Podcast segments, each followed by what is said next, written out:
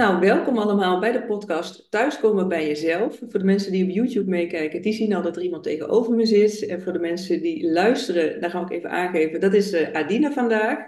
Waarin we ja, inzoomen op het verhaal van Adine, of ze thuis is bij zichzelf en ja, hoe haar reis daartoe gekomen is. Uh, in ieder geval tot het punt waar ze nu staat. Uh, ja, welkom Adine voor, voor dit gesprek. Dank je, leuk om hier te zijn. Ja, zeker leuk dat je de uitnodiging hebt uh, geaccepteerd. En uh, ik ben uh, benieuwd natuurlijk naar het mooie gesprek wat we gaan hebben. Maar misschien eerst even voor de luisteraars vast een hele korte introductie van, van jouzelf, van wie je bent en wat je doet. Ik ben Adine Faber-Versluis, oprichter van lekkerlevenmetminder.nl en de Money Mind Academy. Ik ben um, heel druk met een missie om 1 miljoen vrouwen te helpen financieel vrij te worden. daar kan ik uren over praten, maar dat zal ik niet, niet nu doen. En verder um, ben ik getrouwd, woon ik met mijn uh, man en ons driejarige dochtertje boven in Friesland. En ja, vind ik het gewoon heel leuk om hier te zijn. Ja, een hele duidelijke missie dus, 1 miljoen vrouwen bereiken. Klopt, ja. Ja, ja mooi. Nou, daar gaan we het zo zeker nog over hebben. En um, ja, de eerste vraag die ik eigenlijk altijd stel, naar aanleiding van de titel van de podcast, is van, op het punt waar je nu staat in je leven, heb je het idee dat je thuis bent bij jezelf? Ja, vind ik een hele mooie vraag. Ja. En er zit een kleine aarzeling in, omdat ik wel absoluut het gevoel heb dat dat um, nog meer kan zijn. Of dat, dat, dat daar nog een ontwikkeling in zit. Maar als ik kijk naar waar ik vandaan kom, als ik zeg maar even tien jaar terug in de tijd ga bijvoorbeeld, dan geloof ik niet dat ik ooit zo, zo erg thuis bij mezelf ben geweest. Ja, dus het is echt een, een reis geweest om echt dichter bij jezelf te komen. En je zegt ook, ja, dat kan waarschijnlijk nog dieper. Ja, wat mij betreft, volgens mij is het ook een ongoing process. Hè? We zijn nooit uitgeleerd en er komt altijd wel weer iets op ons pad. Net als je denkt dat je het allemaal door hebt, dan gebeurt er weer iets waardoor je het gevoel hebt, oh, gaan we weer. Ja, ehm, ja dat herken je ook wel. Uh... Herken ik heel erg, ja. Ja, ja. Echt een beetje die rabbit hole van zodra je um, jezelf op verschillende vlakken gaat ontwikkelen, ja. dan uh, ontdek je ook heel goed wat je allemaal nog niet weet en hoe ja. dingen anders kunnen. Uh, maar tegelijkertijd merk ik wel dat elke stap ook weer meer vrijheid met zich meebrengt. Dus ja, ik maak er soms wel eens een grap over, maar ja, ik, ik kan er eigenlijk niet over klagen. Nee, en ik denk ook, tenminste zo zeker, ik weet niet hoe dat voor jou is, maar het is ook wel een mooie ontwikkelreis. Dat je, ik kan me soms ook wel eens afvragen van, met alles wat ik, waar ik nu sta, dat ik denk, oh, hoe zou het, waar zou ik volgend jaar dan weer staan? Of over vijf jaar? Dat is ook zo, als je er, ja, met persoonlijke ontwikkeling bezig bent, en nou ja, daar gaan we het zo over hebben, maar dat, hè, dat ben jij ook, dat het ook zoiets geeft van, oh, ja, hoe gaaf is het om vijf jaar verder straks te zijn en dan terug te kijken op weer deze vijf jaar of twee jaar, of nou ja, wat het dan ook is. En dan verschil te zien, want hoe vaak heb je niet dat er gewoon vijf jaar voorbij gaan en als je er niet bewust van bent en dat je er niet speciaal mee bezig ja. bent, dat er dan misschien gewoon wel helemaal niks veranderd is. Nee, nee nou ja, daar is dus ook deze podcast voor, om mensen te inspireren. En ja, in dit geval dan vandaag met jouw verhaal, omdat ik ook echt geloof dat met alle drukte die we hebben in dit leven, uh, veel mensen in ieder geval, en de red race waar je dan in zit, dat je helemaal geen tijd hebt om stil te staan van inderdaad, waar sta ik op dit punt van mijn leven en ben ik wel blij met wat ik doe? Of hè, mensen merken wel vaak van, oh ja, misschien dat ik niet helemaal mijn vel, lekker in mijn vel zit, of bepaalde signalen die dan ook vaak weer weggedrukt worden. Totdat je op een gegeven moment op het punt komt, of veel mensen van, oh ja, nu ben ik burn-out of depressie, wat dan ook. Hè, dan pas geeft je lijf het signaal. En nu kan het echt niet langer.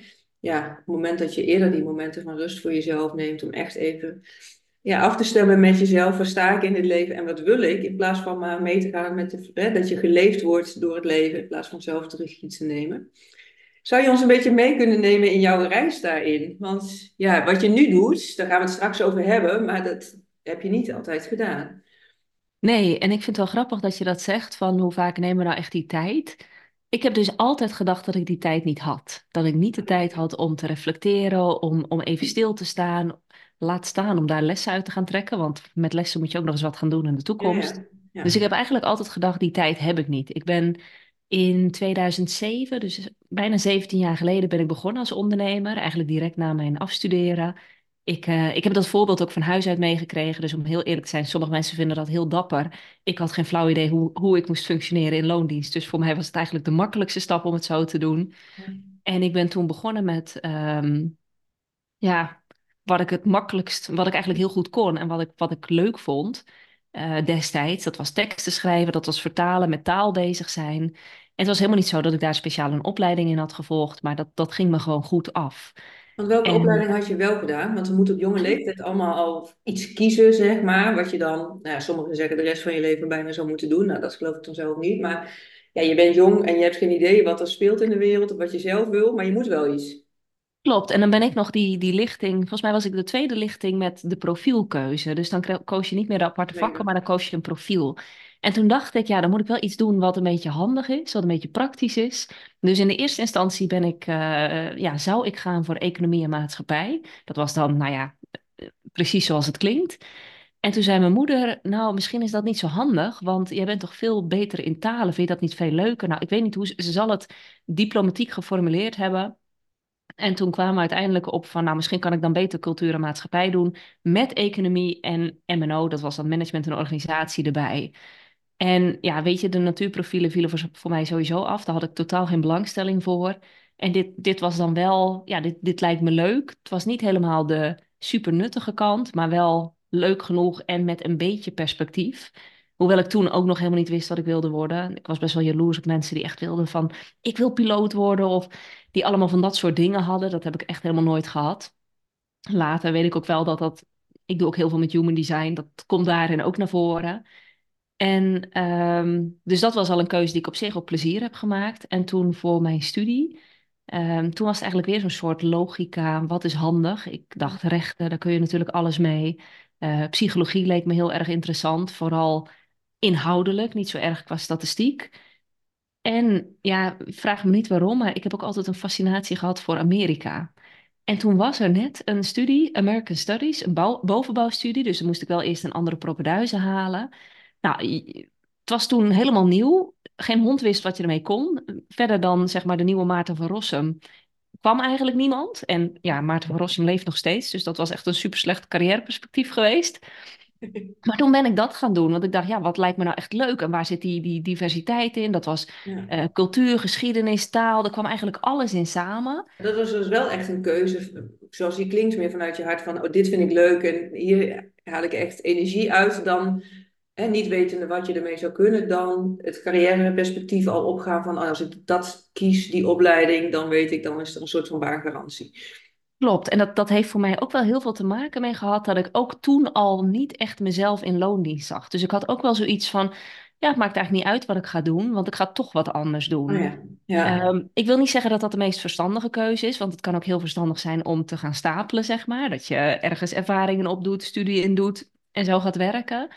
Maar, en ik heb later ook wel eens begrepen dat mijn ouders wel hadden gedacht, had toch maar even voor psychologie of rechten gekozen, want dat was toch iets concreter. Oh Maar ja, maar ze daar waar je moeder, laten, ik je moeder eerder wel advies gaf, deed ze dat nu dan niet. In die vorige opleiding. Ehm, Dan wat meer richting zo, en nu had ze dat dan wat nee, nee, nee, dit, dit was, nee. Maar eh, ze, ze hebben mij daar nooit, eh, ik heb dat later wel eens via mijn broertje gehoord, maar eh, ze hebben dat nooit tegen mij gezegd. Dus het was wel zo van, nou, weet je, jij moet het doen, jij moet daar vier jaar het opbrengen. En als je denkt dat je dat hiermee gaat doen, ja, ga dan, ga dan dit maar doen. ja, Ehm, dus dat was eigenlijk ook, ja, toch wel vanuit wat me echt heel leuk leek. En dan moet je bedenken, ik was toen echt nog nooit in Amerika geweest, hè, dus ik, ik ga zo'n studie doen, nog nooit in het hele land geweest. nee. Maar wel vanuit het plezier en ook denk ik toch wel beïnvloed door, ik ga straks toch geen normale baan Ja. krijgen. Dus eigenlijk Dus alles open voor jou. ja, wat maakt het dan uit? Ja, nou ja, dat is best wel mooi dat je dan dus echt ook die vrijheid voelt van dan kan ik dus ook alle, alles kiezen wat ik eigenlijk wil. Ja, nou ja, Ja, psychologie dacht ik wel, statistiek. ja, Als ik keek naar mijn wiskundecijfers, oh ja. dan denk ik, ik kon niet alles kiezen wat ik wilde, maar dat nee. zou, dat zou een zwaar leven zijn geweest. Ja, oké, ja. Ehm, ja, en toen ben ik daarna dus gaan ondernemen. En ehm, in de eerste instantie in combinatie met loondienst. Dus ook best wel ja, drukke, drukke dagen heb je dan natuurlijk. Ja. Ik ehm, deed heel veel aan, ja, toen destijds nog zo'n freelance.nl site, heel veel opdrachten daar vandaan, heel veel klanten daar vandaan. En dat was met tekst schrijven toen al. met tekst schrijven en met vertalen, ja. ja, En eigenlijk al heel snel hoefde ik daar helemaal niks meer te doen. Een acquisitie was het gewoon werken, gewoon. Maar eigenlijk maakte het op een gegeven moment ook, was ik zo in mijn bedrijf aan het werk, dat ik ook niet echt het gevoel had dat het heel veel verschil maakte wat ik deed. Dus ik, ik vond het heel leuk om te ondernemen. En dan bedoel ik zeg maar een bedrijf op de kaart te zetten. En ik vond het heel leuk om geld te verdienen. heb ik altijd al leuk gevonden. Ehm, maar echt de inhoud van mijn werk was niet zo dat ik wakker werd en dacht van, oh, nu mag ik weer een tekst gaan schrijven of nu mag ik weer een handleiding over een grasmaaier gaan vertalen. Ja. En op zich etterde dat best wel gewoon, ja, ik zou bijna zeggen, etterde dat lekker door. Maar ehm, ja, ik ben in 2007 begonnen. In 2009 ben ik toen, ja, het liep eigenlijk allemaal supergoed, dus ik kon een ander huis kopen. Ben toen in 2009 verhuisd. En dat is ook een beetje die periode van de economische crisis. Zeg maar, er begon 2008, had ik er niet zoveel last van. In 2010 had ik er wel veel last van. Toen had ik een aantal vaste klanten, zeg maar voor vaste uren in de maand. Eentje ging failliet, eentje stopte ermee en eentje trok al het uitbesteden werk weg. Dus dat was 80% van mijn omzet gewoon in één keer weg. Ja. En ik was inmiddels verhuisd, dus ik had wel een, een dikke hypotheek te betalen. Dat huis bleek ook nog wel echt flink wat verbouwd te moeten worden. En toen dacht ik van ja, wat nu? Ik moet gewoon als een gek gaan werken om dat hele gat op te vullen. En dat, ja, dat ben ik gewoon gaan doen. Dus ik heb gewoon weer op dezelfde manier gedaan als dat ik eerder deed. Alles aanpakken. Ehm, ja, maakte me eigenlijk niet eens uit hoeveel ik ervoor betaald kreeg. Ik dacht geld is geld. En dat is echt een zelfstandig ondernemen. Want eh, was je, of was je daarnaast nog steeds in loondienst? Was het inmiddels klaar? eh, ik heb, ehm, ik heb nog tot 2011 in loondienst gewerkt. Dus dat speelde toen wel een beetje, maar ik was het toen wel aan het afbouwen. Ja. Dus er was nog wel die, die basis van loondienst qua ja, tijdsbesteding die je daar kwijt bent, die sowieso al weg is. Ehm, en een, een kleine basis van inkomen. Eh, maar ja, bij lange na niet wat nodig was om die hypotheeklasten te Ja. dekken. Ja. En ja, ik, ik, ik ben toen gewoon als een gek daarmee bezig gegaan. En dat is ook, dat, dat ging ook nog. Want als je een dak boven je hoofd wilt houden. Kijk, we zaten toen, dat is nu misschien ondenkbaar, maar we zaten toen in een periode dat al die huizen onder water stonden. Dat je je huis aan de straatstenen niet kwijtraakte. Ehm, dat dus een gedwongen verkoop of zo, dan staan ze niet allemaal bij elkaar op te bieden. Dat was toen niet. Het was toen echt een hele andere situatie dan nu. En ik dacht van ja, als dat huis verkocht moet worden, dan heb je dus geen huis en heb je een schuld. Ja. En eh, op een gegeven moment, nou ja, 100-urige werkweken waren echt meer de regel dan de uitzondering. Ja. En dat heb ik Ik kan best wel een voorstellen tijd. dat het ook een hoop stress met zich meebrengt, inderdaad. Want dan heb je en de drukte van het werk, maar ook toch die angst van, inderdaad, gaat het allemaal wel lukken? Ja, dat was echt zo'n zo'n pittige periode. Het was echt, ik, ik was toen, nou wat was ik toen? Zeg maar achter in de twintig of zo, of helft van de twintig. En ik, ik voelde me gewoon tachtig. Ik had hele verkalkingen in mijn armen eh, van, van de hele dag achter die computer zitten. En Ja. natuurlijk met die spanning. Want het was niet zo dat ik dagelijks voelde van kan ik die hypotheek betalen. Maar ik leefde zo op deadlines van, van mijn klanten. Dat het eh, zeg maar is van, oh maar er heeft nu iemand mij drie minuten gebeld. En die drie minuten Ja. had ik nodig om 36 woorden te vertalen. Even als voorbeeld. En nu moet ik het inhalen en gewoon continu die. Maar echt een overlevingsstand toch eigenlijk, je systeem continu aanstaan. Klopt, het is echt overlevingsstand. En ik had het dan, zeg maar, de werksituatie, ehm, de, de verbouwing kwam ook een heleboel op mij terecht. En ik zat toen ook nog eens in een hele ongezonde relatie. Dus het was eigenlijk van alles. Dan snap je waarschijnlijk ook wel dat ik aan het begin zei van ik vond ook niet dat ik de ruimte had om na te denken. Want op het moment dat je in zo'n situatie gaat nadenken, ja, dan gaan er dus hele lastige keuzes komen waar je dan echt de ruimte niet voor hebt. Daar, Nee, daar en dat, komt en het dat, dan en wel een dat is soms ook, neer. hè, van inderdaad, dat op het moment dat, dat je daarin staat, gaat stilstaan, dat het ook heel spannend kan zijn of zelfs eng.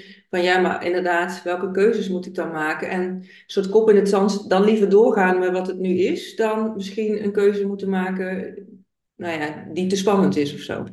Ja, en ik denk dat het niet eens een, een bewuste keuze van kop in het zand is, maar wel gewoon heel duidelijk aanvoelen van ja, maar hier heb ik nu echt geen ruimte voor, want ik heb wel acuut dat geld nodig. Ja, En zodra ik ook maar iets ga toelaten van, van de spanning of de emotie of, of alles wat dan op dat, oh, dat was de microfoon, alles wat op dat moment speelt, ja, dan, dan kan je wel weten van daar, daar heb je geen tijd voor, zeg maar, daar heb je geen ruimte voor, want het is echt, ja, Ja, nou plus als je in zo'n overlevingsmodus zit, dan heb je ook vaak niet de gelegenheid om even die helikopterview te hebben. Dan is het echt reageren op ad hoc situaties, inderdaad heel erg tunnelvisie. Terwijl, eh, hè, dat, en dat is natuurlijk van, ja, hoe lang kun je dat volhouden, zo'n overlevingsmodus? Want ik weet niet hoe lang dat bij jou heeft geduurd. Of ja, je merkte al wel fysieke klachten in ieder geval, wat je Ja, ik merkte het wel, maar goed, ik, ik moest ook doorgaan. En ik, toen in drie jaar tijd heb ik dik 70.000 euro op de hypotheek afgelost, waardoor dus die druk ja, minder werd. ja.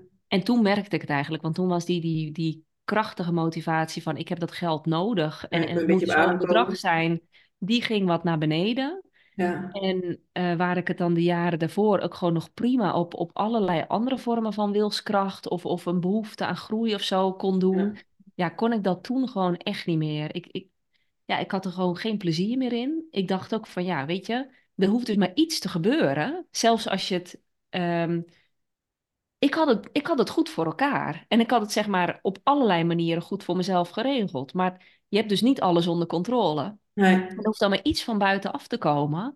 En oké, zo'n economische crisis wereldwijd is misschien niet per se een klein ding. Maar ja, weet je, het, kan allemaal, ja, hè? ja, en wat we nog allemaal recent hebben meegemaakt, is natuurlijk ook die coronacrisis. hè. Er zijn altijd omstandigheden die we van tevoren, die niemand eigenlijk voorziet, waar je toch mee eh, te dealen hebt. En dan inderdaad, wat je zegt, heel lang in de overlevingsmodus. Dan komt er een beetje ademruimte, omdat je zegt, nou, ik heb die financiële ruimte iets meer voor mezelf gecreëerd. Maar dan heb je ook weer meer tijd om, of dan is die tijd er ook om wat rustiger te worden. En dan komen die signalen waarschijnlijk wel door, van inderdaad, Ja, we kunnen verder kunnen op die overlevingsstand. Want dan is, toen was het voor mij echt niet van, oh, nu ga ik dan lekker reflecteren hoor. Dan was het gewoon, Ja. ja, ik zeg wel eens als ondernemer kun je eigenlijk bijna geen burn-out veroorloven. Want ja, als jij niks doet, doet er niemand wat. Komt er En je, je kan niet in de ziektewet gaan zitten of zo. Maar ehm, ja, ik- het was wel echt eh, mezelf van de bank slepen als ik dan weer iets moest doen. En gewoon het minimaal, het minimale wat moest om een beetje eh, ja, eh, zeg maar afspraken nakomen. Dat zijn dan allemaal dingen die ik belangrijk vind. Dus om dat te kunnen doen, maar veel meer zat er ook echt niet in. Ja. Want mm, ja, het, het, het waren gewoon zulke bizarre tropenjaren. En, en nogmaals, kijk, er speelden natuurlijk allerlei dingen met die verbouwing, met die relatie, met, met die, dat, dat hele huizenverhaal, met die omzet. Dus het- ja, dat kan voor iedereen anders zijn, die situatie. Maar dat was, ja, laten we zeggen dat ik toen niet eh, thuis was in mezelf. Nee, nee, maar ook helemaal niet daar bewust, ook niet zo bewust mee bezig, omdat je daar had ik gewoon geen tijd, geen energie voor. En eh, eh, misschien ook in een andere levensfase dat dat ook veel minder speelde, dat je er überhaupt over nadacht. Ja, ik denk als je, al- als je zo lang in zo'n overlevingsfase zit, want ehm, het, het was, toen was dat echt heel duidelijk, maar ik zat er al wel langer in op, op andere vlakken. Ik denk als je er zo lang in zit, dan komt er niet, dan is er niet eens meer het besef dat er ook iets anders mogelijk is. Dan is het ook gewoon hoe het is en dan kan het al moeite genoeg kosten om gewoon de dag door te komen. En om, om eigenlijk de dingen te doen die je moet doen om te blijven bestaan, zeg maar gewoon ja, opstaan en eten en afspraken nakomen enzovoorts. Ik zal niet zeggen dat, dat, dat, je, dat, dat ik me er dan bij neerlegde, maar ik denk ook niet dat ik echt het gevoel had van dit kan anders. Het, het, het was gewoon zo. ja, En, onbewust proces. en alleen dat stuk is al van, ja, Ik, ik heb wel eens zo'n onderzoek gelezen van, ehm eh, was een onderzoek naar mensen in armoede. En die hebben dan ook, omdat ze zoveel onder die stress leven, en ik denk dat je het in elke vorm van stress, dat je dit erop kunt vertalen, dan krijg je een soort tunnel, tunnelvisie. Ehm, kost ook echt eh, 10 of 13 IQ-punten. En eigenlijk komt het erop neer dat je gewoon elke dag het gevoel hebt dat je de hele nacht hebt doorgehaald. Ja, En ik, dat was het toen ook. Dus waar je vanaf een gezond perspectief kunt kijken van, oh, maar jongen, wat ik nu doe, dat kan echt niet. ja, Dat, dat, dat, die ruimte is er helemaal niet. ja. En kreeg je wel, had je vanuit je omgeving daar signalen van, dat mensen daar eh, iets zagen bij jou van, hé, hey, hoe lang ga je dit nog volhouden? Of, nou ja, ik weet niet hoe dat... eh, Nee, nee, eigenlijk niet. Ik denk ook dat, ehm, ja, ik denk ook van hoeveel laat je daarvan zien. Want op het moment dat je dingen laat zien, dan eh, kan dat ook weer een gesprek openen waar je geen tijd voor hebt. En waar je ja, geen tijd hebt voor de gevolgen en voor de ja, keuzes die daar ja, misschien uitkomen. ja. Dus ik, ik, ik, zal, ik zou ook zeker niet willen zeggen dat is, zeg maar, dan ligt dat aan mijn omgeving. Maar nee, ik heb, eh, nee. Nou misschien ook dat, wel de ondernemersmentaliteit die je mee hebt gekregen van huis. Jij zei al, hè, mijn ouders zijn beide ook ondernemers, ik kom uit een ondernemersfamilie. Dus vaak ook de mentaliteit van schouders eronder en door. Dus dat het misschien ook helemaal niet eh, ja, in het systeem zat van, eh, oh ja, maar hoe gaat het nou eigenlijk echt met je? En, maar meer van, nee, hè, we, we zetten nee, we gaan door, gewoon zolang je iets kan doen, schouders eronder en door inderdaad. Dus Ja, eh, ja, ja, en, en dat is ook wel iets wat ik, van, wat ik van huis uit heb meegekregen. En niet dat mijn ouders dat letterlijk zeiden, maar wel de boodschap. Ehm, er is altijd geld te verdienen als je maar bereid bent om offers te maken. En ik had ja, natuurlijk op dat moment geld nodig. Ik moest dat verdienen. En mijn vader heeft ook altijd heel hard gewerkt. Hij heeft ook echt wel zijn tropenjaren gehad. ja, En dat ging ten koste van zijn sociale leven, zijn gezondheid enzovoorts. Dus ja. was ook wel wat ik had gezien van ja, ehm, Het is ondernemen. dat, dat is ondernemerschap. En kijk, Ja, de andere kant was natuurlijk wel, ik was eh 26 toen ik dat huis kocht. Dat was echt een huis wat de meeste mensen op hun 50ste of 60ste misschien een keer kochten, als ze dat al deden. Dus ik had ook zo'n tijdlijn van, van ogenschijnlijk succes van buitenaf, had ik natuurlijk ja, heel erg naar voren gehaald. ja, En dat maakt denk ik ook dat mensen eh, ja, misschien niet, niet, er ook helemaal niet van uitgaan dat het misschien niet goed gaat of dat er iets. Ja, ik denk dat het een beetje een combinatie van die factoren is geweest. ja, Het er ook niet, niet over hebben. Ehm, ja, gewend zijn dat je bepaalde offers moet brengen. En ook ergens dus wel de beloning min of meer daarvan zien. Dus je, je ziet eigenlijk bewezen van, oh ja, ik kan inderdaad makkelijk goed geld verdienen. ja. Ja, en daar hoort dus een offer bij. ja.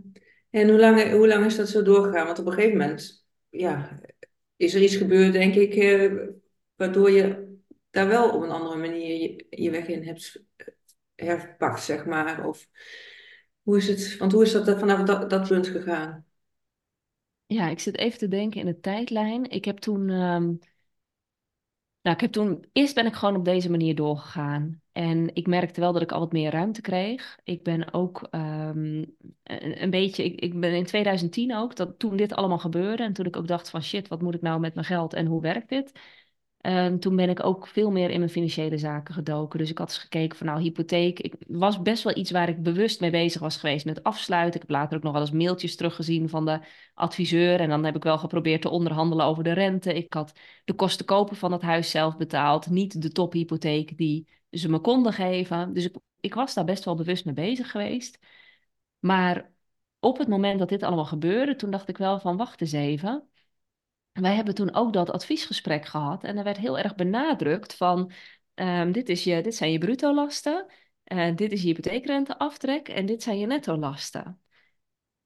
En die hypotheekrenteaftrek die hangt samen met de belasting die je betaalt. Dus als jouw inkomen in één keer met 80% keldert, dan betaal je dus minder inkomstenbelasting en krijg je dus ook minder hypotheekrenteaftrek, waardoor je netto woonlasten omhoog gaan. En dat was eigenlijk een kwartje wat toen pas viel. En waarvan ik ook dacht van ja, maar wat is er dan nog meer waar ik misschien niet op heb gelet, eh, wat ik misschien niet helemaal handig heb gedaan. Eh, sowieso ook van ja, ik was nooit zo heel erg met geld bezig in de zin van budgetten of zo, want dat was ook niet nodig. Maar ja, dat werd nu wel nodig. En weet je, dat soort onderwerpen, nu wordt er iets makkelijker over gepraat, maar toen was dat nog echt niet eh, het hot topic voor de verjaardag of zo. Dus ik ben toen een blog begonnen, Lekker Leven met Minder, toen nog op Blogspot, helemaal anoniem. Oh ja. En toen ben ik daarover gaan schrijven. En dat bleek eigenlijk best wel ehm, voor heel veel mensen fijn te zijn. Het waren, ik, ik deelde mijn ervaringen daar. Ehm, ik deelde wat ik deed, dus ook mijn tips, zeg maar. En er kwamen ook wel mensen die daar dan weer hun stuk op reageerden. Herkenbaarheid en interactie. eh, ja, waar ik dan ook weer wat aan had. En, en zo kon je elkaar toch op ideeën brengen. En dat was gewoon, ja, ik noem het maar even in de echte wereld, was dat minder voor de hand liggend dan toen online. Tenminste, voor mij dan. ja, En toen op een gegeven moment, toen zat ik dus, toen ik tegen die muur aanliep, toen dacht ik wel van ja, ik werk gewoon serieus al jaren voor de grootste zoekmachine marketingbureaus van Nederland. Die allemaal geld verdienen met de teksten die ik schrijf. ja, Ik heb hier een, een compleet anoniem blog wat ontzettend goed bezocht wordt. Want zelfs toen het nog een blogspot wa- eh, blog ja, was, zat ik wel op eh 10, 20.000 bezoekers in de maand. Dus dat was echt wel veel, zeker voor die Maar tijd. niemand wist dat het van jou was. Niemand wist dat het van mij was, dat was ook de bedoeling. Ja, Maar maar was dat ik, ook van wat, ehm, Want ook toen er zoveel meer herkenning was en dat het zo goed. Wat, wat was dan dat het nog steeds anoniem was? Ja, dat was echt het, ehm, ik denk een combinatie. Enerzijds, kijk, als je iets op internet zet, weet je nooit wie het leest. Ja, Ehm, je krijgt wel. En, en dat zijn heel vaak de mensen die dicht bij je staan, zeg maar. Dan bedoel ik gewoon even de fysieke omgeving. Dat zijn vaak de mensen die het wel volgen, maar die er nooit wat van zeggen. En dan voelt het toch een beetje alsof je, ja. ook al zet je het zelf op internet, voelt het toch een beetje alsof je bespied wordt of Ja, zit je op een verjaardag en dan denk je, jij weet alles van mij, van wat ik heb Ja, of je weet het niet en je komt er door een terloopse opmerking, kom je erachter dat je denkt van, Oh ja, lees jij dat ook? precies. Ja, Dus dat. En kijk, ik zat toen ook een beetje in die hoek van consuminderen en besparen. En er zaten allemaal mensen die hadden of heel weinig geld, dus die hadden niet eens een koopwoning. ja, Of ze hadden bijvoorbeeld, eh, kijk, ik had toen, ehm, ik geloof dat ik, mijn hypotheek was toen in de eerste instantie ruim over de vier ton. En nogmaals, dat was toen niet veel. Of dat was nu, dat is nu misschien niet zoveel meer, maar dat was toen wel heel Ja, veel. Dus ook daarvan had ik zoiets van ja. Ehm, dan krijg je natuurlijk ook de mensen van ja, als jij zo'n hypotheek kan krijgen, dan verdien je genoeg. Er was natuurlijk ook wat op van ja, als je, als je genoeg verdient, dan moet je niet zeuren. ja. Terwijl je ook dan dus Ook in die zo'n situatie kan zitten. ook Ja, in zo'n situatie terecht kan komen en erin kan ja, zitten. En dat was ook wel iets waarvan ik dacht van ja, maar daar heb ik geen zin in. Dus ik haalde heel veel inspiratie uit Amerika, want hebben al die mensen gewoon tonnen creditcardschuld. Ik ja, heel eerlijk zeggen, dan voelde ik me soms ook nog wel een beetje goed. Dat ik dacht, ik heb nog een huis en die Gelukkig. stenen zijn nog wat waard. Ja, ja, Maar in Nederland was dat gewoon, ja, de mensen die daarover praten. Ja, eh, dat was gewoon eigenlijk bijna geen vergelijkbare situatie. En dan, het voelt al wat kwetsbaar. Ja. En om dan ook nog mijn eigen naam erop te gaan plakken. En ook, eh, Eventueel eh, de gedachte van, oh ja, wie gaat er allemaal overheen vallen? wie gaat er allemaal Ja, overheen vallen? En kijk, ik had natuurlijk, toen voelde het zo gescheiden dat ik gewoon enerzijds mijn bedrijf had. En anderzijds deed ik dat. Maar dat had niks met elkaar te maken. ja, En ik voelde ook helemaal niet de behoefte om bijvoorbeeld, want ik werd ook wel vaak gevraagd voor interviews en zo, om dan een interview te gaan doen waar dan vervolgens in dezelfde zin met, met, met al die ellende zit dan, oh ja, en ze heeft dit eh, communicatiebureau zus en ja, zo. ja, Ja, daar dacht ik ook niet van, dat klinkt me aantrekkelijk in de oren. Nee, nee. Dus dat heeft je toen in ieder geval, eh, dat anoniem eh, heeft, ja, ben je dat blijven doen? Met ondertussen dat, je eigen bureau ernaast? Ja, en toen, toen ik dus tegen die muur aanliep, toen dacht ik wel van ja, maar ik kan hier natuurlijk ook wat mee gaan doen, want ik vind het veel leuker. Ik vind het veel leuker om over geld te delen. Ik vond het ook, ik had inmiddels natuurlijk al best wel heel veel reacties van mensen gehad. Ehm, ja, dat zij bijvoorbeeld ook hun hypotheek onder de loep hadden genomen, of dat ze eh, wat aan mijn tips hadden gehad, of dat ze hele andere keuzes hadden gemaakt. En toen dacht ik van ja, als ik hier teksten inlever, dan is het, oh dankjewel, we gaan ermee verder. ja, en iemand anders verdient eraan. En iemand anders Meer dan verdient jij eraan. Precies, en, en aan de andere kant heb je dan mensen van, oh, ik ben zo blij dat ik dit heb gelezen, want nu heb ik dit of dit kunnen doen. Ja. En het heeft voor mij dit en dit verschil gemaakt. Of wij zijn eerder gestopt met werken dankzij, zit ook mede dankzij dat. vanuit vervulling, kan ik me voorstellen, dat het ook een wezenlijk verschil maakt van of de teksten schrijven voor grote bedrijven of mensen echt de tools geven en de inspiratie om het anders te gaan doen. En dan dit soort berichten terug horen. Ja, dat kan me voorstellen dat dat een ander gevoel bij je opwekt. eh. ja dat, dat maakte zoveel verschil, vooral omdat ik dus al een beetje zat in van, ja, weet je, ik moet het doen, maar je staat, ja, onderaan de voedselketen in de zin van eh, uiteindelijk ben je ook heel makkelijk vervangbaar. Het is handig dat je, dat je snel bent, dat je goed bent enzovoorts, Ja, maar de- voor jou ook honderd anderen. En je krijgt natuurlijk lang niet zoveel. Ja, ik had wel het gevoel dat ik meer impact zou moeten kunnen maken. En ja, dat gevoel kreeg ik bevestigd eh, via dat blog. En toen dacht ik Ja. wel van ja, maar waarom zou ik, waarom zou ik dit niet proberen? En toen is het nog niet van de een op de andere dag gegaan. Maar toen ben Dat ik het wel. zaadje is geplant en dan ben je, ja, dat gaat dan Precies. ontwikkelen. En toen ben ik wel een aantal jaar later, heb ik hem in ieder geval eh, uit de anonimiteit gehaald. En toen heeft het nog wel eventjes geduurd, want ik vond het ook wel spannend. Ik had natuurlijk wel gewoon Ja, gegarandeerde inkomsten aan de ene kant en ja, de potentie voor meer aan de andere kant, maar niet, ja. niet die zekerheid. Want wat maakte voor jou dat je op een gegeven moment wel die anonimiteit dus los durfde te laten? Wat was er Ja, dan veranderd? dat ik wel echt voelde van, eh, als ik dit onderdeel van mijn bedrijf wil maken, dan moet er ook gewoon eh, rugbaarheid aan gegeven worden. Ja, dan moet En die dan moet ik zichtbaarheid er wel zijn. dan moet die zichtbaarheid er zijn. En dan als ik dan zeg maar in, een- in een libelle kan staan of in een magriet kan staan, dan moet ik dat niet afwijzen omdat ik daar bang voor ben. Ja, Want dat is juist de manier om al die mensen te bereiken. ja, dus echt gaan ownen waar je voor staat. Ja, Ja. Mooi. Ja, maar en dat is dus ook dan zo'n proces geweest van in eerste instantie ontdekken van hé, hey, waar zit mijn kracht en wat kan ik voor anderen betekenen in de anonimiteit. Wat wel door de situatie is ingegeven dat je op dit pad terecht bent gekomen. Want ik denk ook hè, met heel veel mensen die ik spreek, dat ze dit van tevoren niet hadden bedacht. Maar het is vaak wel ingegeven door een situatie van of gezondheidsklachten of een ja, hey, weet jij ook zei, ik liep letterlijk tegen de muur aan, dus ik moest wel wat. En dat je dan zoiets gaat, gaat beginnen. Want daar had je anders ook geen tijd voor gehad. Of tenminste, misschien nu alsnog tijd ook voor moeten maken om dit heel bewust te gaan doen. Maar had jij niet in die financiële crisis gezeten, was dit nooit op je pad gekomen, denk ik. En niet op deze manier. nee, dan was het niet op deze manier eh, op mijn pad gekomen. Want dit, dit maakte voor mij wel echt duidelijk. Enerzijds dat, dat zelfs als je. Ik heb wel gewoon een, een goede financiële opvoeding gehad. Ik heb wel, Ja, of tenminste, ik heb natuurlijk ook mijn, mijn dingen meegekregen. Maar ik heb wel ja, eh, geleerd hoe je, hoe je dingen doet. En, en dat je niet dingen uitgeeft wat je niet hebt en zo. Ehm, maar dat je dan in die situatie kunt komen en door ook al het contact met die mensen heeft het me ook wel de ogen geopend voor hoeveel mensen niet in die gunstige ja, positie zijn, dat ze van huis uit wat meekrijgen. En dat ze dus zeg maar met, met 20, 30 eh, ja, denken van nou, nu ben ik wel toe aan een huisje, boompje, beestje of ja. zo. En dat ze dan al, dat ze eerst puin moeten gaan ruimen voor, voor iets wat, ja natuurlijk heb je het ergens zelf gedaan, maar ja, als je als daar niks aan bagage hebt meegekregen, als je dat niet hebt geleerd, en op scholen wordt daar ook bijna niks aan gedaan, hè? Nee, er zijn echt van die levenslessen, net als van, eh, ja, hoe ga je, geef je invulling aan je leven, wat is belangrijk voor je? Dat soort thema's leer je niet, behalve van je moet leren rekenen, taal en hè, de praktische dingen, want dat is belangrijk voor je vervolg. Terwijl, en dit ook, van, ja, hoe belangrijk is financieel je weg kunnen vinden in het leven? Op basis waarvan maak je keuzes? Ja, ja. Dus daar, ja, daar ben je toen uit de anonimiteit gegaan, zei je. En wat voor vorm heeft het toen gekregen? Of werd dat blog, blog ineens met jouw naam eronder? Ja, en toen werd het blog met mijn naam eronder. Ik was toen ook inmiddels al overgegaan naar zeg maar echt een aparte site. Dus dat het niet meer onder Blogspot viel, maar gewoon lekker leven met minder.nl. Ehm, toen ben ik ook veel meer eh, van mijn eigen ervaring. Kijk, ik zal niet zeggen dat het destijds echt een dagboek was van nou, ik heb vandaag een gebakken eitje gegeten enzovoort.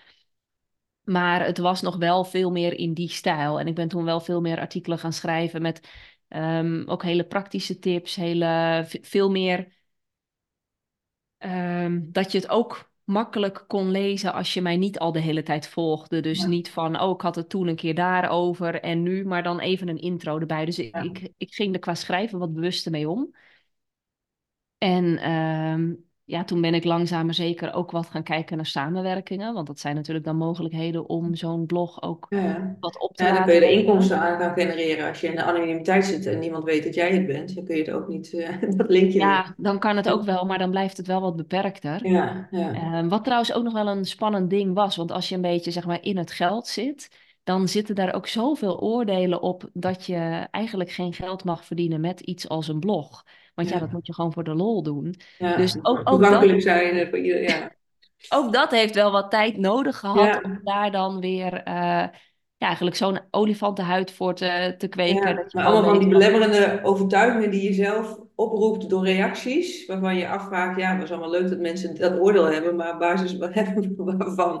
Dus, eh, ja, ja, ja, dat je ook echt heel duidelijk moet zien van ja, dit, dit kan jij zo vinden, maar dat, het, het is niet zo. Want wat jij vindt is niet de waarheid, wat ik vind is ook niet de waarheid. nee. Maar ik hoef het ook niet aan te nemen. Dus dat is ook daarin al een heel proces geweest voor jezelf. Oh ja, ja, zeker. Ik ben, eh, even kijken hoor, ik, ik denk dat ik dat ehm, eigenlijk een paar jaar nadat, nee, nee, niet een paar jaar nadat ik, te- nee, op het moment dat ik tegen die muur aanliep, ik zit even te denken, 2010, dat was ongeveer 2013. Toen ben ik ook een NLP-training gaan doen en toen kwam ik ook met dat fenomeen in aanraking. ja, Overtuigingen. Nou, dat was echt een eye-opener. Dat ik dacht van, oh, maar al die dingen die ik zo heel normaal vind, die zijn helemaal niet speciaal normaal. En dat kan dus ook anders. En En dan krijg je ook ruimte van andere waarheden die je ook kan aannemen. precies, en dat, dat Ja, heeft me wel echt heel veel gebracht. Dat is trouwens wat ik nog steeds echt wel op dagelijkse basis gebruik. Maar gewoon dat stukje. Ehm, juist als je heel lang zit in eigenlijk een compleet beperkte waarneming, Ja.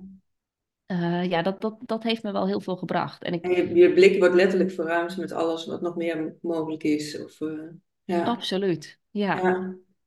En heb je in die tijd, want dit is dan een hele gerichte opleiding waar je heel erg bezig bent, ook inderdaad met die overtuigingen en dat onder de loep nemen en je eigen patronen ook eh, een beetje doorzagen, zeg maar. Ehm, Of heb je ook nog coaches in de hand gehad destijds? Of, eh, Nou, ik, ik zou zeggen, die, eh, die NLP-training, dat was echt voor mij het begin. Ik heb daarna zoveel opleidingen gedaan, ja. trainingen, trajecten met coaches, van alles en nog wat, omdat ik gewoon, ehm, Dus dat begon echt, daar begon echt jouw persoonlijke daar ontwikkeling begon echt mijn betreft. persoonlijke ontwikkeling.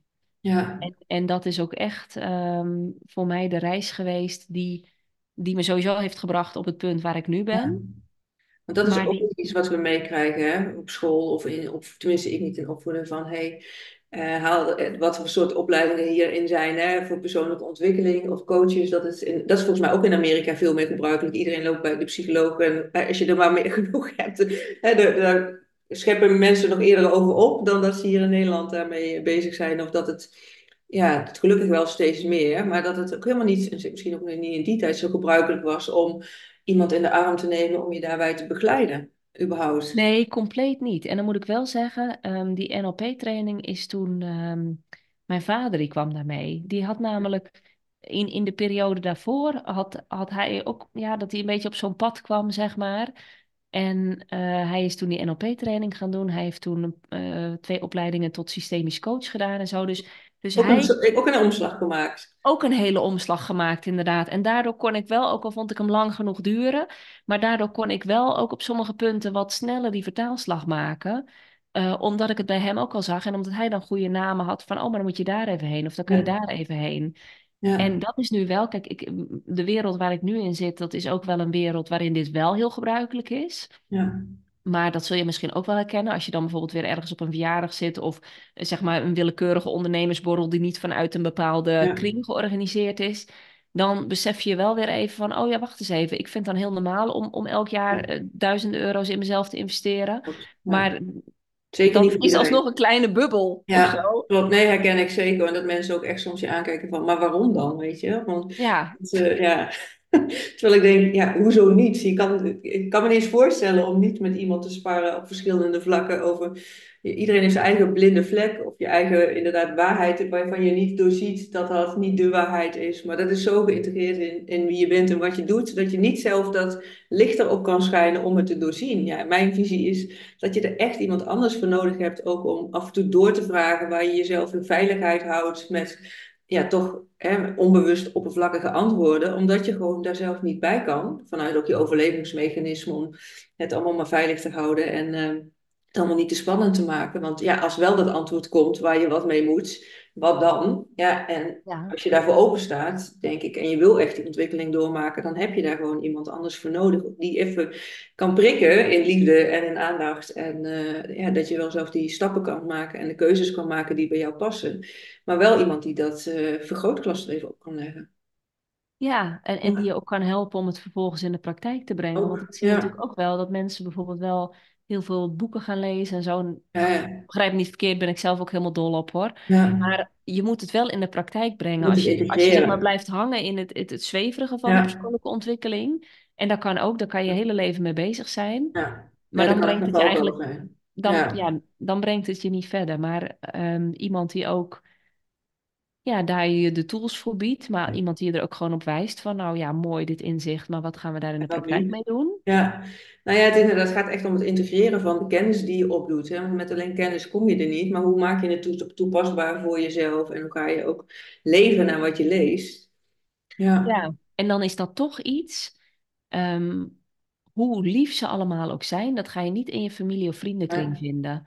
Want daar hebben ze toch een, een andere intentie ook voor jou. Ehm, daar willen ze toch vaak supporten. Zullen ze je, als de spiegel pijnlijk is, liever niet die spiegel ja. voorhouden. En dan is het gewoon echt heel fijn om daar iets van buitenaf Nou ja, eh, ja.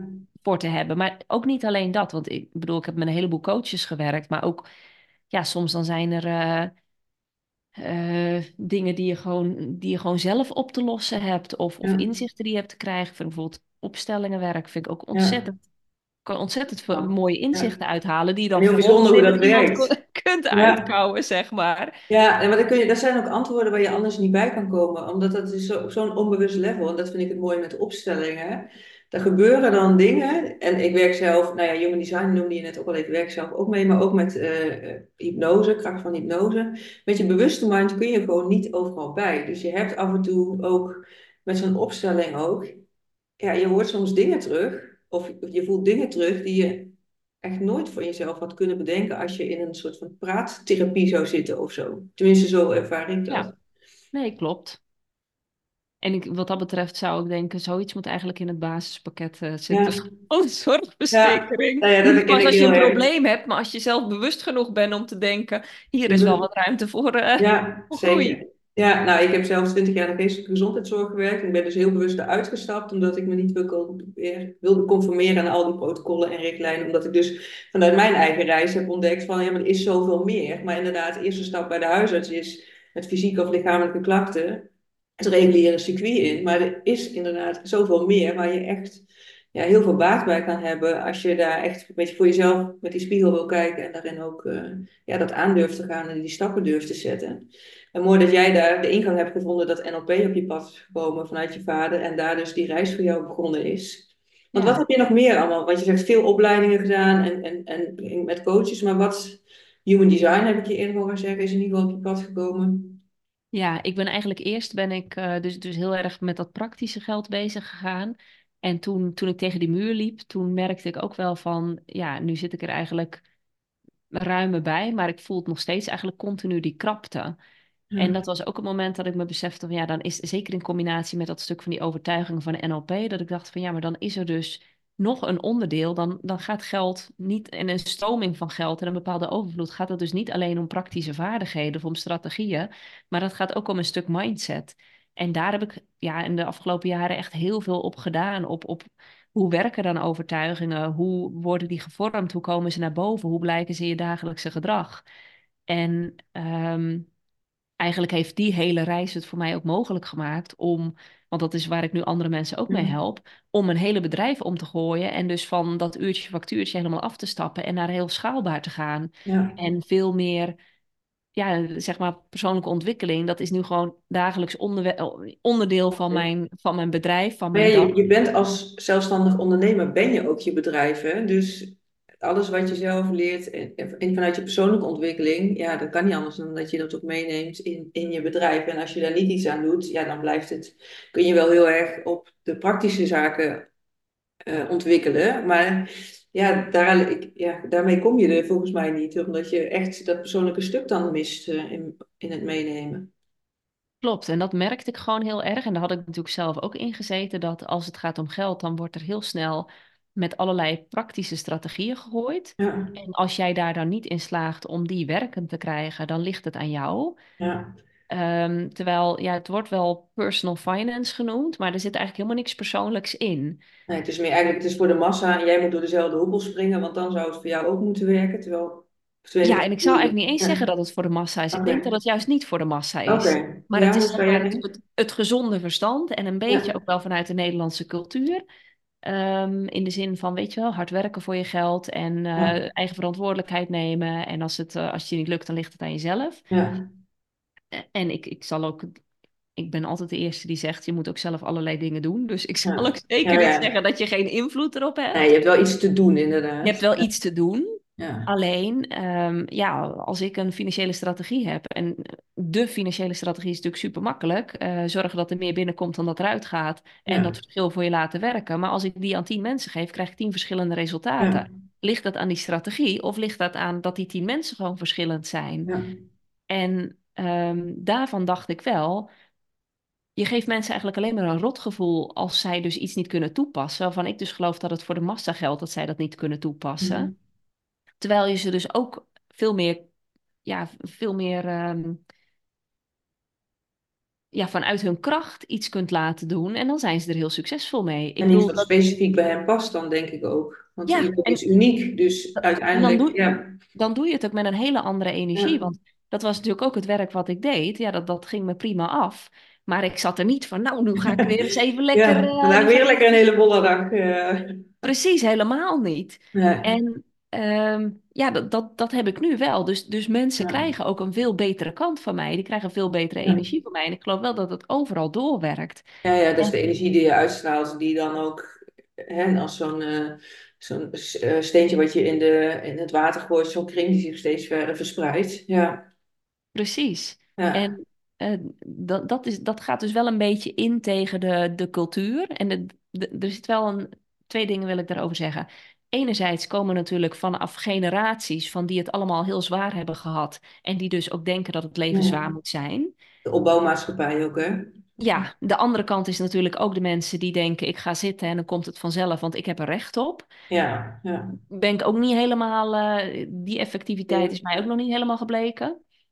Maar de- er zit ook wat, wat tussenin. In een stuk waarbij je misschien eh, niet altijd fysiek keihard aan het werk bent, maar bijvoorbeeld wel slim en strategisch werkt. En ik denk dat dat nog de allerbelangrijkste is. Op het moment dat jij dus tegen jezelf aanloopt, dat je daar dus iets doorheen gaat. En dat is dus ook hard werken. ja, ja, dat is misschien wel harder werken. Je Ja, maar dat, het is niet zichtbaar op die manier. Nee, Maar als, als, als ik jou zeg maar vertel dat ik destijds mijn blog compleet anoniem deed, omdat ik bang was voor de reacties, omdat ik eh, ja, geen zin had om mezelf op een of andere manier te laten zien en dat ook eng vond.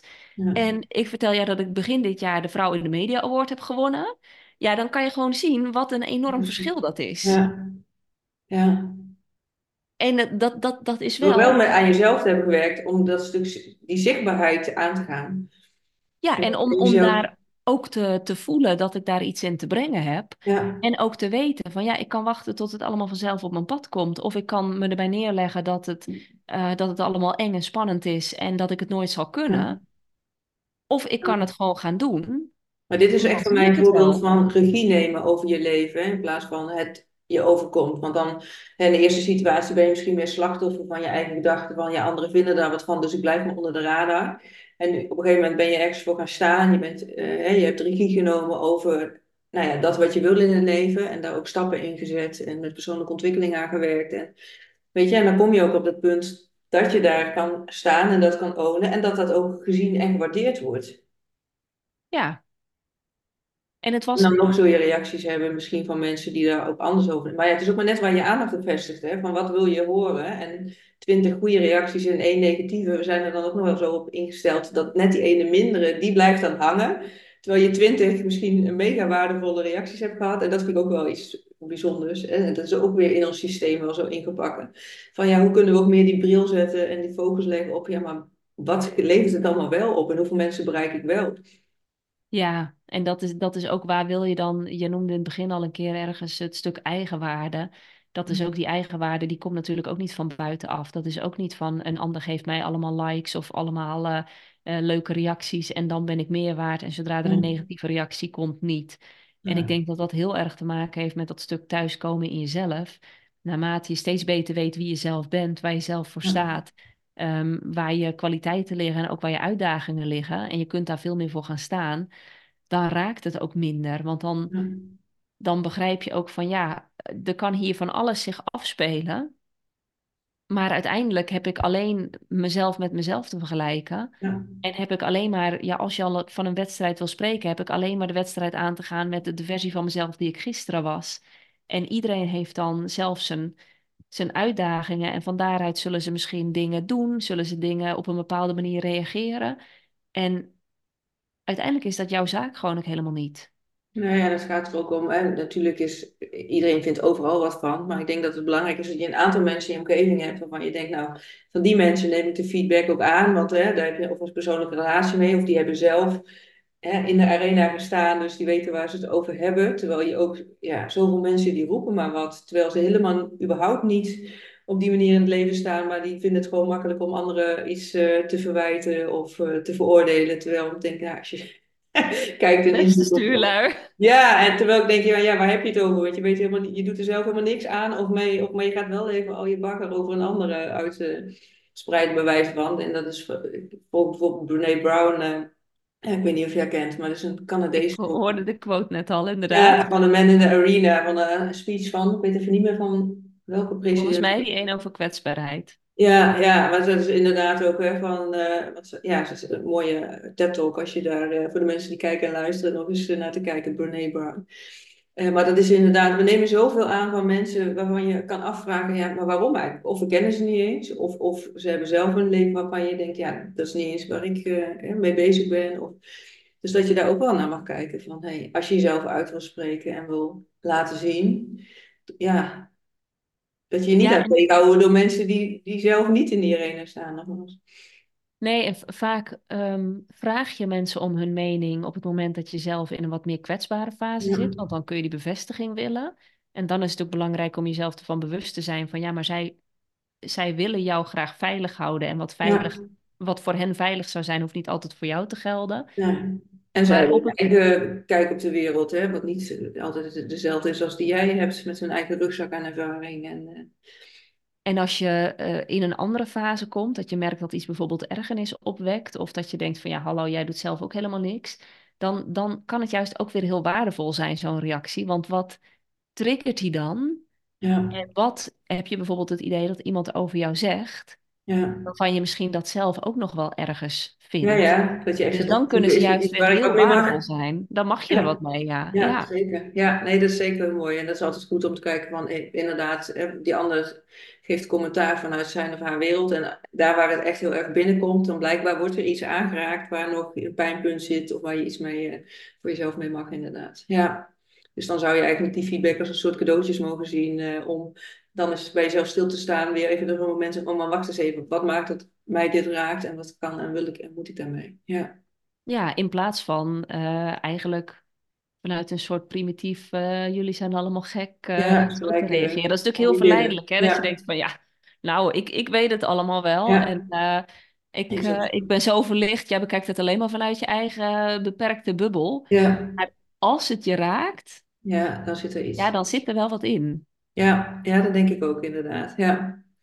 En dan is het altijd de kunst om te ondervinden wat is het dan precies, hè? En welke vorm heeft het dan voor jou? Ja. Hey, en wil je ons eens meenemen wat je dan nu precies doet? Want je noemde net al wel even iets over money mindset, eh, eh, zo in het proces. Maar dat is ook waar nu je bedrijf is, volgens mij. Ja, ja ik, ik help mensen met goed geld verdienen met wat ze het allerliefste doen en waar ze ook gewoon supergoed in zijn. En dat is met een combinatie van eh, die beperkingen. Ik werk met geldarchetypen, super interessant, want die Ja, geven... Kijk, ik kan jou vragen hoe je denkt over geld, maar dan geef je natuurlijk eh, ja, je eigen beeld ervan. Maar dat is weer niks anders dan dat, het eigen beeld. Dus met die geldarchetypen, ik heb daar een test voor ontwikkeld. En de- daar gaan we dan ehm, ja, gaan we eigenlijk kijken naar wat de patronen zijn, wat daar de sterke kanten in zijn. Want daar kunnen we soms ook ontzettend blind voor zijn. Ja, Maar ook wat de uitdagingen zijn. Ehm, ik werk ook altijd met de top drie van archetypen. Want je kunt wel zeggen van eentje is super herkenbaar. Maar er zit ook vaak heel veel in die, die onderstroom. In, in de stukken die we, waar we niet helemaal de vinger op kunnen leg- leggen. Maar die misschien wel juist saboteren. Of elke keer juist weer net even dat, dat ongrijpbare zetje omhoog doen. Of juist waar je de allergie op hebt. Dat is ook interessant om naar te kijken. Heel interessant om naar te kijken. En ehm, daarna ook gewoon heel praktisch. Van hoe breng je dat nu in je bedrijf? Hoe breng je dat in je leven? Hoe doe je dat met vrienden? Hoe doe je dat met familie? ja, Hoe doe je dat met je team? Hoe doe je dat met je marketing? Hoe doe je dat met je sales?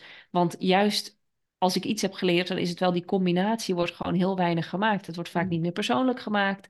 Er wordt niet gekeken naar wat is iemand zijn achtergrond? Wat zijn de overtuigingen? Wat zijn ook de kwaliteiten? Want zelfs als jij bijvoorbeeld ja, vanuit, ehm, vanuit geldperspectief is het natuurlijk heel makkelijk om te lachen om de mensen met een gat in hun hand. Maar ja, die hebben ook echt fantastische kwaliteiten en ja. mogelijkheden om heel veel geld te verdienen. Ja, die geven Maar heel niemand zal ze dat, niemand zal ze dat bieden, zeg maar. Want die denken van, ja, jij kan gewoon niet met geld omgaan. Nou, dat is niet zo.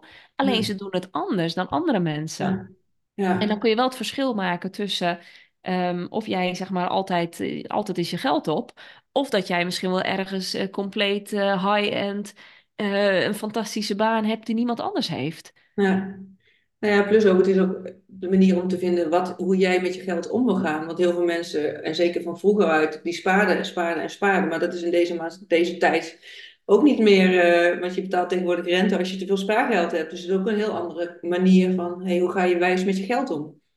Ja, en de manier waarop je ermee omgaat zegt vaak ook heel veel op de manier, over de manier waar je, waarop je met andere dingen omgaat. Ja, En dat vind ik ook wel een belangrijke, want soms dan kunnen we denken van, eh, oh, het, het geld vliegt allemaal weg of de klanten komen niet of wat ja, dan ook.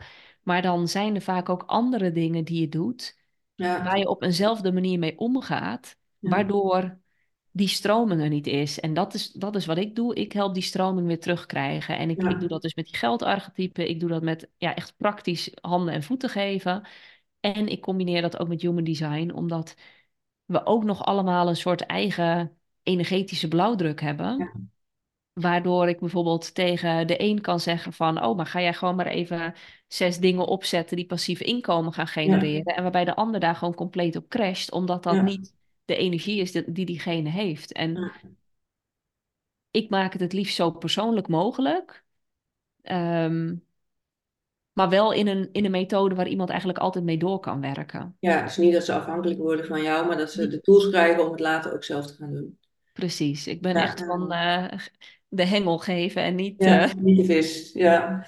Want de eh, vis. is is er dan vooral voor ondernemers of ook wel voor ja, zeg maar particuliere mensen die niet een eigen onderneming hebben, maar hier wel money-wise in willen worden? Of hoe zeg je dat? Een money mindset willen ontwikkelen?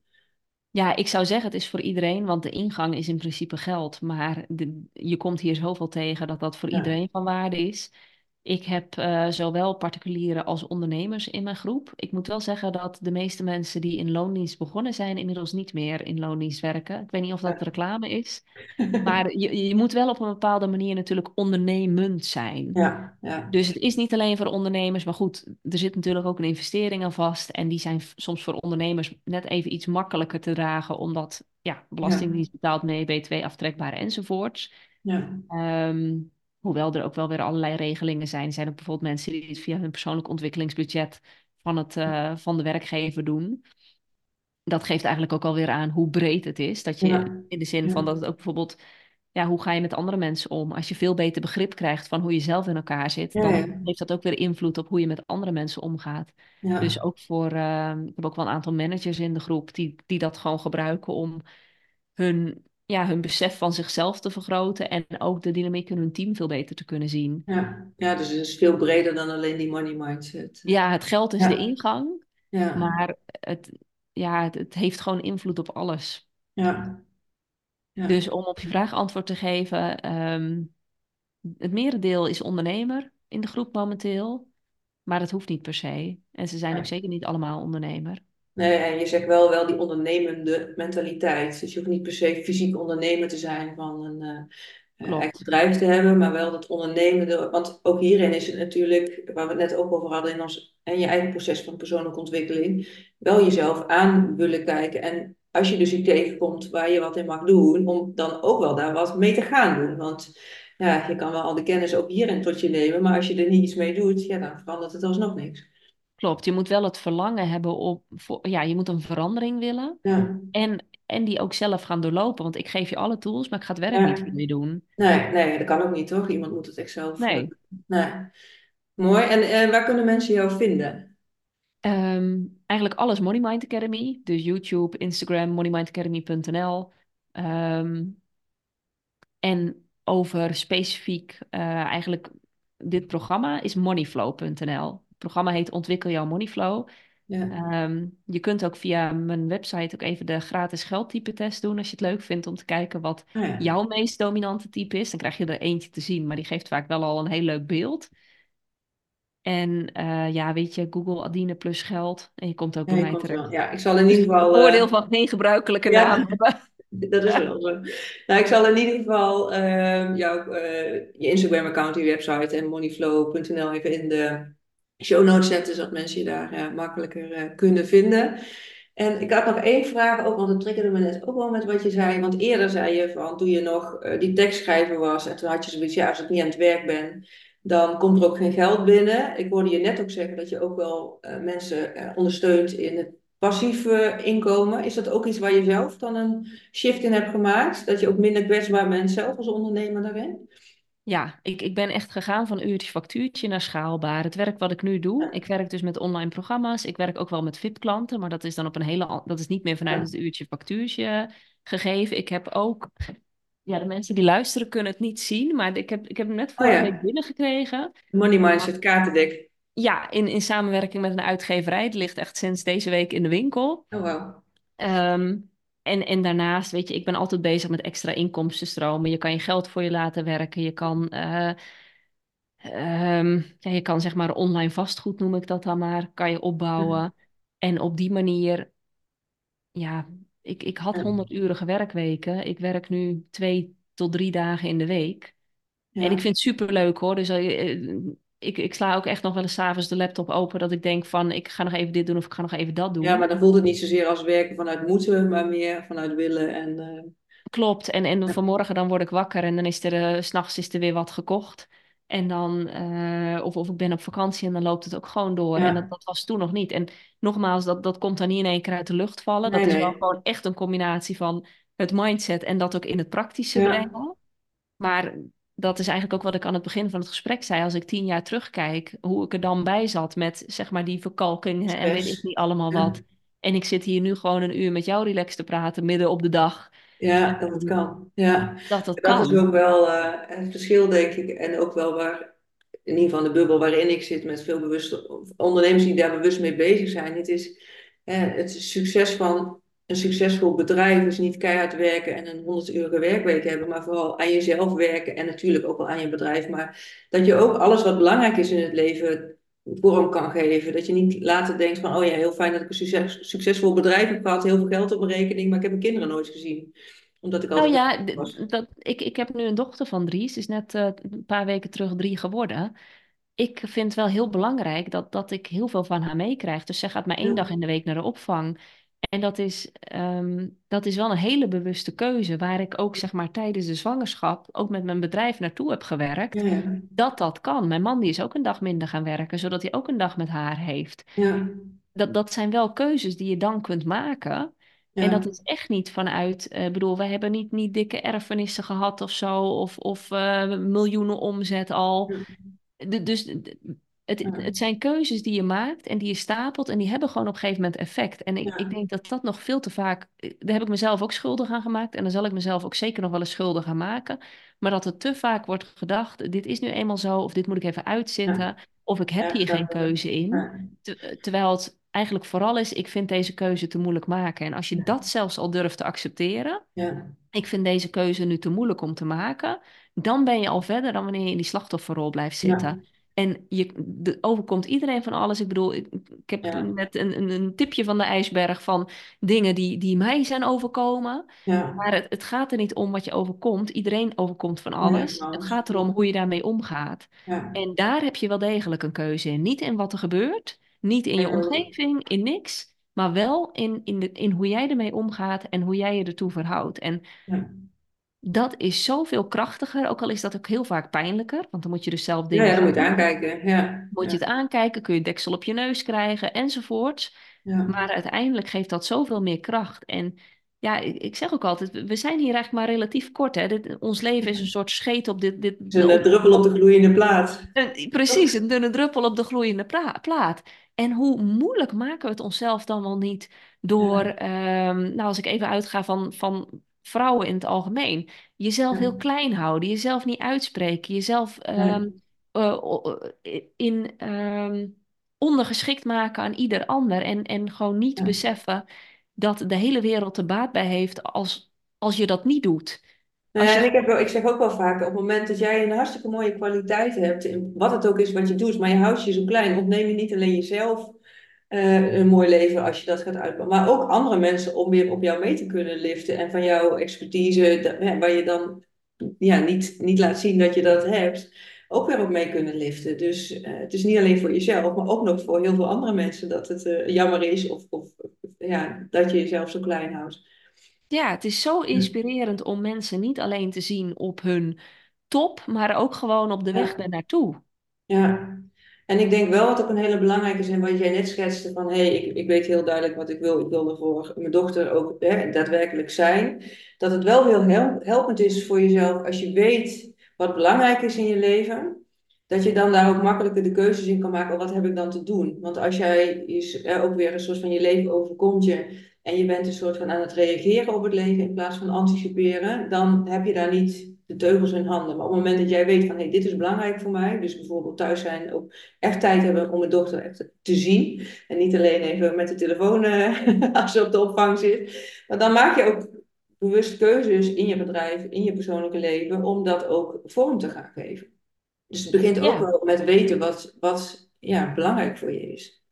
Ja, en ook weten hoe alles samenwerkt. Want juist dat, dat ik dat allemaal had geleerd over die overtuigingen, maakt voor mij ook wel dat ik denk: oké, als mijn kind vier is, dan gaat ze naar school, dan is mijn invloed super beperkt. Ja. Um, wat kan ik wel doen? Die eerste vier jaar zoveel mogelijk erin stoppen. En ja, en uiteindelijk, ze, ze nemen ook over wat ze zien en niet wat je zegt. Dus je kan wel zeggen van, eh, je moet niet te hard werken en goed voor jezelf zorgen. Maar als je dat niet, zelf niet doet en ondertussen jezelf voorbij loopt, ja, dan gaan ze dat ook meekrijgen. Terwijl als jij, hé, hey, ik ben beschikbaar voor jou en uh, ik heb een succesvol bedrijf. Maar, en daarnaast kan ik ook tijd voor mezelf nemen en tijd voor jou hebben. Ja, dan is dat wel wat ze meekrijgt. Dan is dat wat ze meekrijgt. Plus, ik bedoel, we weten allemaal in wat voor wereld we terechtkomen. Ja. Hoe fijn is het dan niet als je gewoon een lekkere basis hebt meegekregen? Ja, zeker. Ja.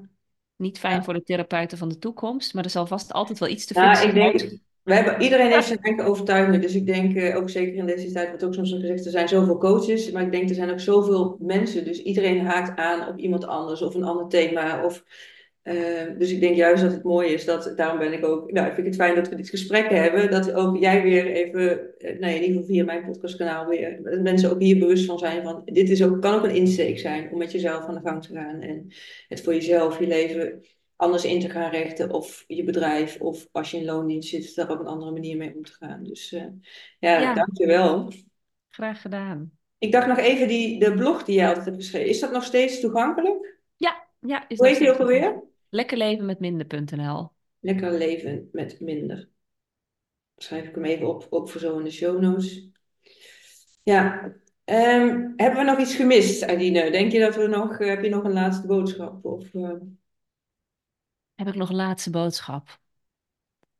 Nou, ik denk dat we het, ik denk dat we het wel uh, het, het meeste hebben gehad. Ik zou wel echt mensen willen aanraden die dit luisteren en die misschien denken, ja, daar ga ik nog een keer wat mee doen. Dit staat nog op mijn lijstje om dat moment even naar voren te halen. Want als het moment komt dat je geen keuze meer hebt, dat je zeg maar tegen die muur loopt, ja, um, ja dan, dan ziet het er ook niet mooi uit. En dan kan je beter, als ik het even vergelijk, de muur waar ik tegenaan liep, niet fijn. Um, die situatie die ik zelf gecreëerd heb toen ik wist van, oh, maar ik ben zwanger en er komt een kindje aan en dat wil ik op een ander, veel relaxter. Ja kan ik me voorstellen. Dan kun je nog vanuit enigszins rust en overzicht kunnen doen, dan, dan weer uit zo'n overlevingsmechanisme pijn te ruimen eerst en dan pas kunnen bouwen. Precies. Ja, ja, mooi. Nou, dankjewel voor uh, je mooie verhaal en je openheid daarin. Uh, nou ja, nogmaals, ik zal in ieder geval jouw contactgegevens in de show notes zetten.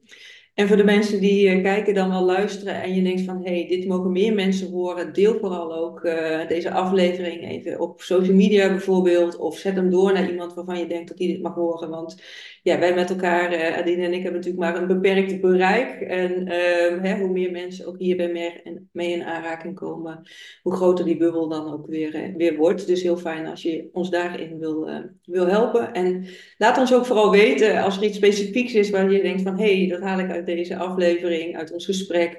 Vinden we ook, denk ik, als ik even voor jou mag spreken, dat die ook heel erg leuk om terug te horen. En uh, ja, dan wil ik iedereen bedanken voor het luisteren en het kijken. En vooral zeggen waar ik altijd mee afsluit van uh, heb een hele mooie dag en heb vooral ook een, een heel mooi leven. En tot de volgende.